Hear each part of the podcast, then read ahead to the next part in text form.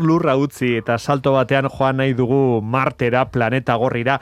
Telebistako biba zuek saioan, eneko entzun izun, kalkulatzen duzuela nasan eta gizaki heldu litekela 2000 eta berrogei garren urtean edo santzen nuen? Berrogeiko amarkadan, bai. Vale, 2000 eta berrogeiko amarkadan edo. Bueno, Horretan gaude lanean, hori da Hortan zabiltzate. bai. E, ez dakigu hori ikusikote dugun usune, e, baliteke, igual bai, jendea gerota gehiago bizi da, igual ikusiko dugu usune, momentu hori Bai, denean. bai, bai. Baina, bueno, hori iritsi bitartean, esango duguna da, perseverance izeneko gailu hori ja iritsita dagoela, Bai. e, saio honetan bertan ere ipatu genuen, beste beste Euskal Herriko teknologia ere joan da, e, perseverance gailu horretan martera, eta gailu honen funtzio izango da ikertzea noizbaite bizirik egon e, ote den, edo bizirik izan ote den e, zeran, e, marten, Bai? Eta hortaz aparte, e, galdera bat ere erantzun beharko luke igual e, Perseverance horrek eta da, e, ba ote diren Marteko kanalak.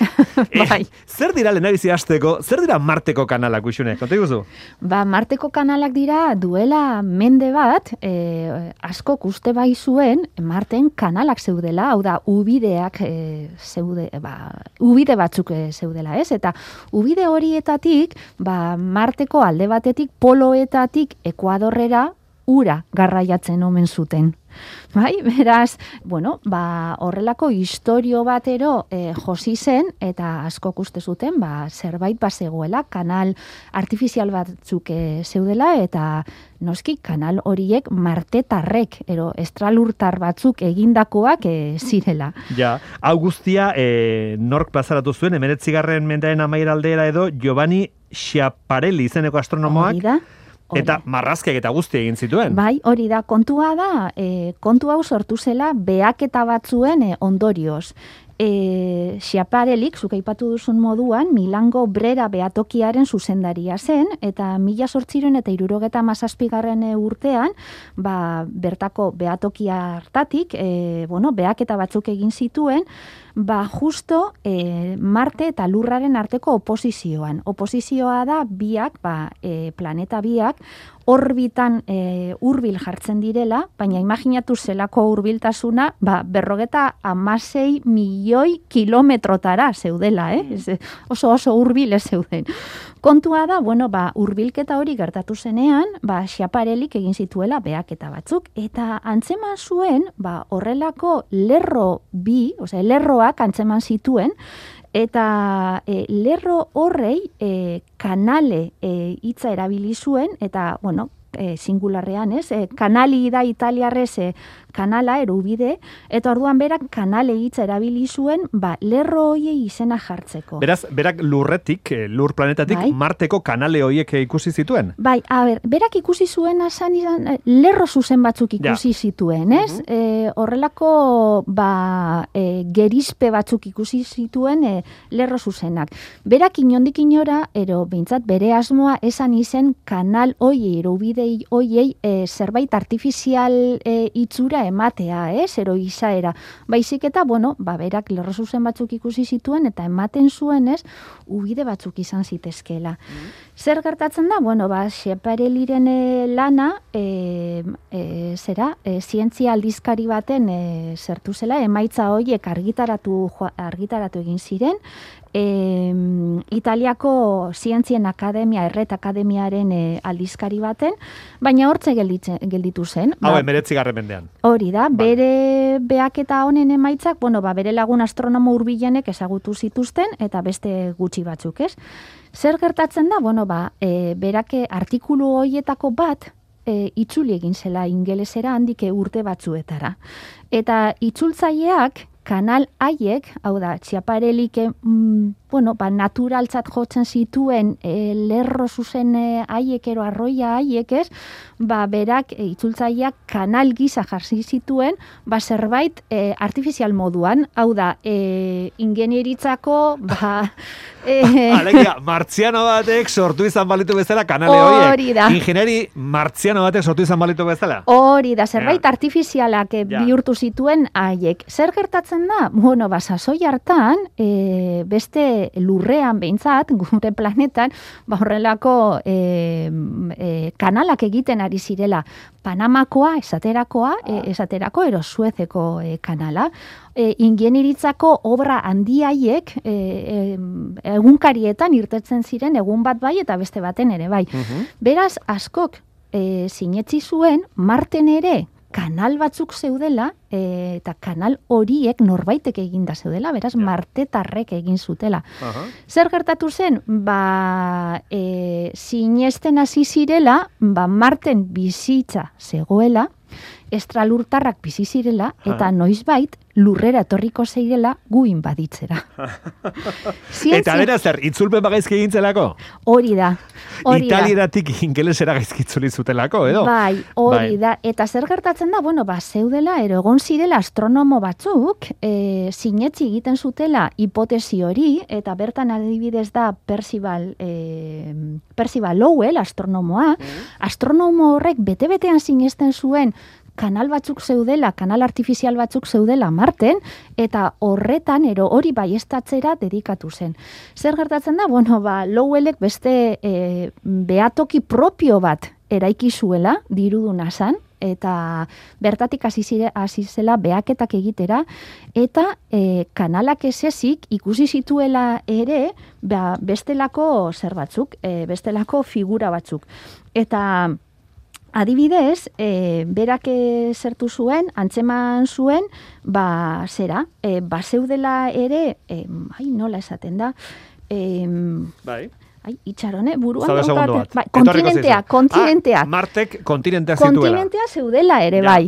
Eta adibidez, berak ikusi zuen, ba, e, Eh, zela, e, astronomo italiarrak ziaparelik ere ba, ikusitako kontinente bat. Hau da, Libia deitu zioten kontinente horri.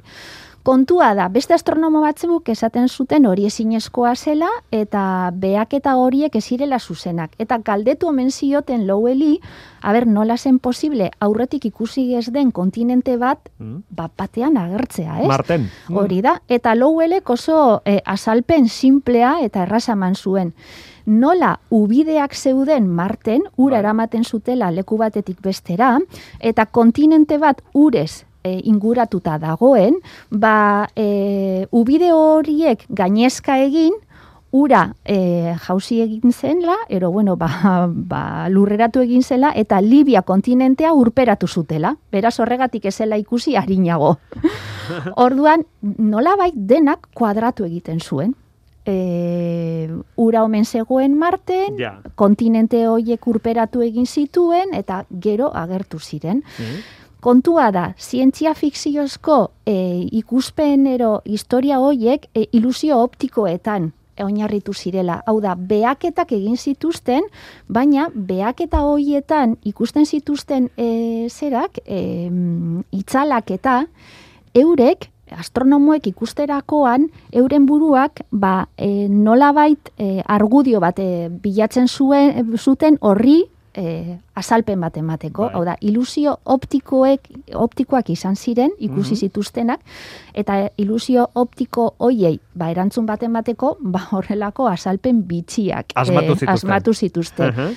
Kosta egin zen, kanalak ezirela existitzen demostratzea. Hau da, ero horren e, ba, ba, historio hori albo batera ustea kosta egin zen. Bai. Baina xaparelik zerbait ikusi zuen. Bai, bai, bai, xaparelik ikusi zituena izan zira horrelako e, bueno, marra batzuk, marra batzuk eta mhm. hori da, marra batzuk ikusi zituen eta baita orban batzuk ikusi zituen, baina bueno, horreke orbanak eta izan zitezken ere kraterrak, e, kraterren e, zerak, e, zuloak, ero Beraz, marra ere etorri zen itzulpen kaskar bat, eta bai. hortik sortu zen literatura oso bat, literatura da. Bai, bai, eta hori da, literatura da, eta egia da, hainbatek sinetzi egin zutela, mm. Eh, egin zuela, eta, bueno, benetan, e, uste zuten, estralurtarrak zeudela marten, eta etorriko zirela eh, lurrera. Estralurtarrek ubideak egin zituztela, ba, Suezko edo Panamako bide egin zen bezala, eta gero, beraien ontzietan etorriko zirela ona, ez da? Hori da, gero, kontua da, bueno, marterako e, sekulako e,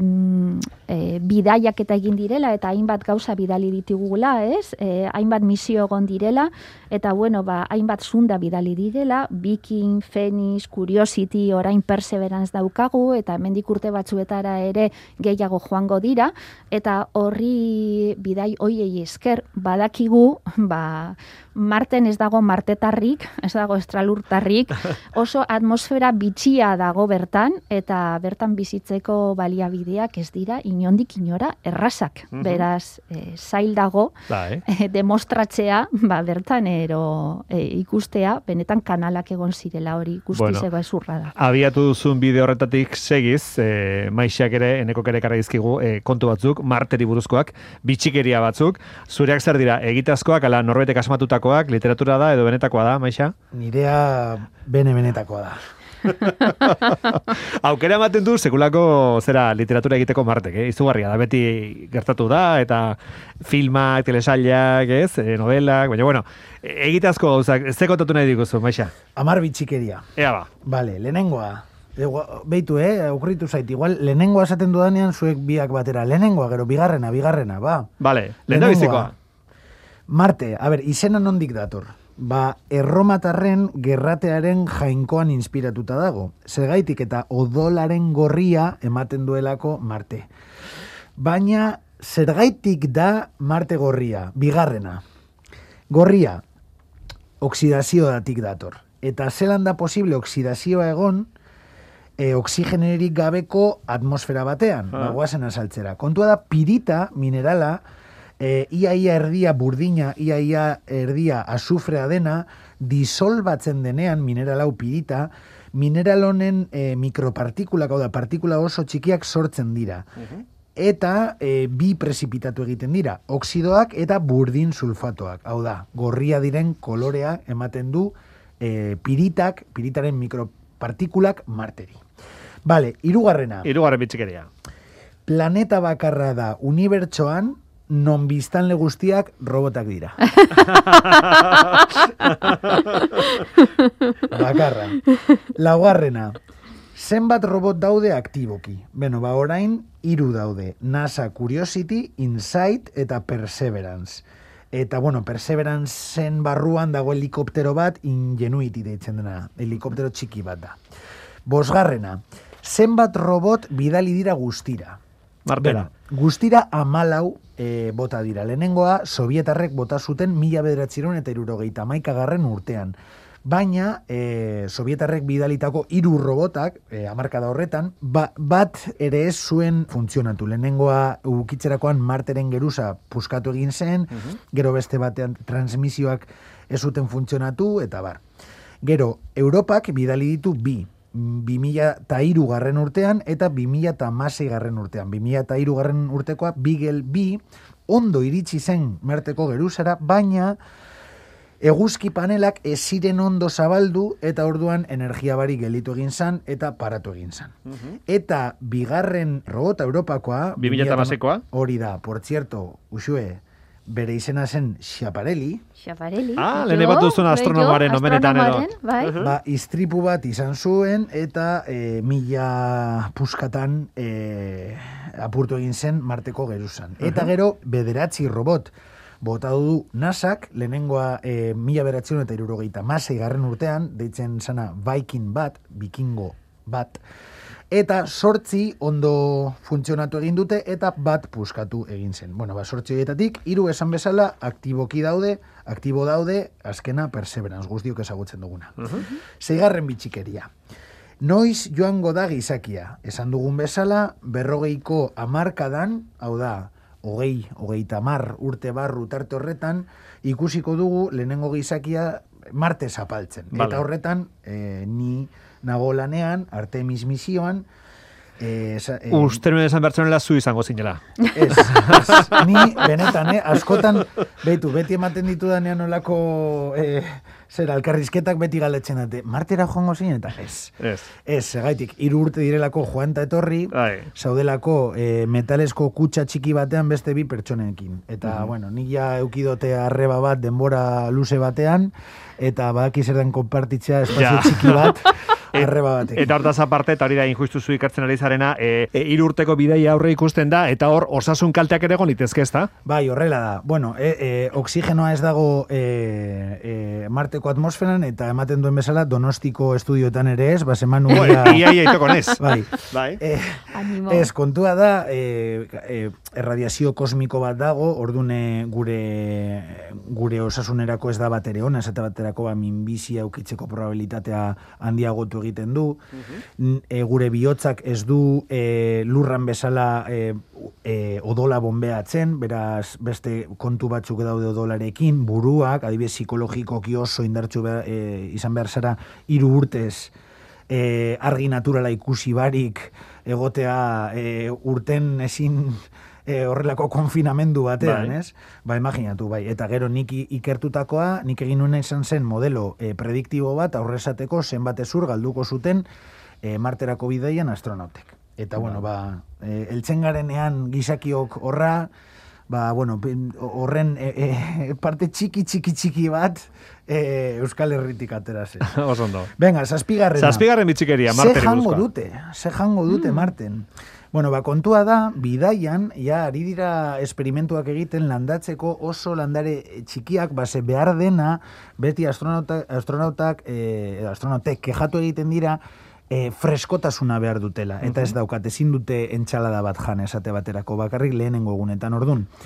Ikertzen ari direna da, landare txikiak oso harin e, e, azten diren mikrolandare horik, hoiek e, azten e, zero gravitatean jateko, hau da, landatzen dozu, egun batzu, batzuk itxaron behar dituzu, eta gero ja, naiz eta oso txikia izan, zerbait fresko deko zuia hauan, eta hori antza psikologikoki, ba, ba kristona da beraientzat. Eta gero, bertan, bai ikertzen ari direla eh, patata modukoak landatzeko. Adibidez, The Martian pelikulan ikusten zen eh, patatak landatzen zituela, eta hori zen eh, NASAko talde batek lagundu zuelako gidoilaria eta liburuak idatzi zuena Bai. eh, hori esaten. Base hori da. Em, eh, patata azkenean oso energia altua ematen du, eta, eta ez du behar horren beste landa, ez eh, eguzkia, eta bar. Sortzigarrena, sortzigarren bitxikeria. Ez ez jakin zenbat ordu dituen egun bat marten. Jo, zenbat ordu. Hogeita lau, hogeita lau ordu eta hogeita mazazpi minutu. Pizka bat luzeagoak dira Ah, bai. egunak bertan. Baina zenbat egun ditu e, marteko urte bat, hau da, be- bederatzi garren bitxikeria. Zenbat egun ditu urte bat, martzianoa, urte martziano batek. Zeireun eta larogeita zazpi egun. Hau da, kalkuloa egin dut, Bai.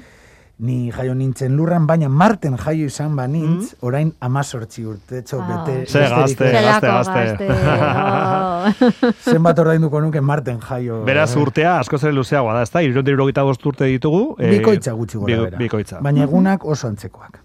Eta azkena, gure mendirik altuena eguzki sisteman marten dago. Eta mendia deitzen da Olimpo mendia. Eta ditu hogeita bost kilometro. Hau da, hiru bider Everesta. Everestak ditu gutxi gora bera sortzi kilometro. Ba, hiru bider Everesta da marten dagoen Olimpo mendia. Gure eguzki sistemako altuena. Bueno, zaguza politak, eh? Eh, Uxune? Bai, benetan, ala, ala ere nik ez daukat gogorik martera joateko. Eh, ez eh? izango naiz, eh? Bai. Zi- Egia esango dizuet. Gainera nahiko martziano ditugu. Hor, galdera proposak, oso proposak lehiaketa batean egiteko, eh? Eta jenteri galdetzeko lehiaketa baterako. Bai, bai. Oso ondo. Eta egia da, oso gauza erakargarria da, Marte. Horregatik beti ba, jakin mina piztu digu, Piztu ez? du, eh? Bai, bai, oso ondo. Bai. Datorren gehiago, Uxune, maixa. Oso ondo, ondo ibili. Besarka hondi bat, agur agur.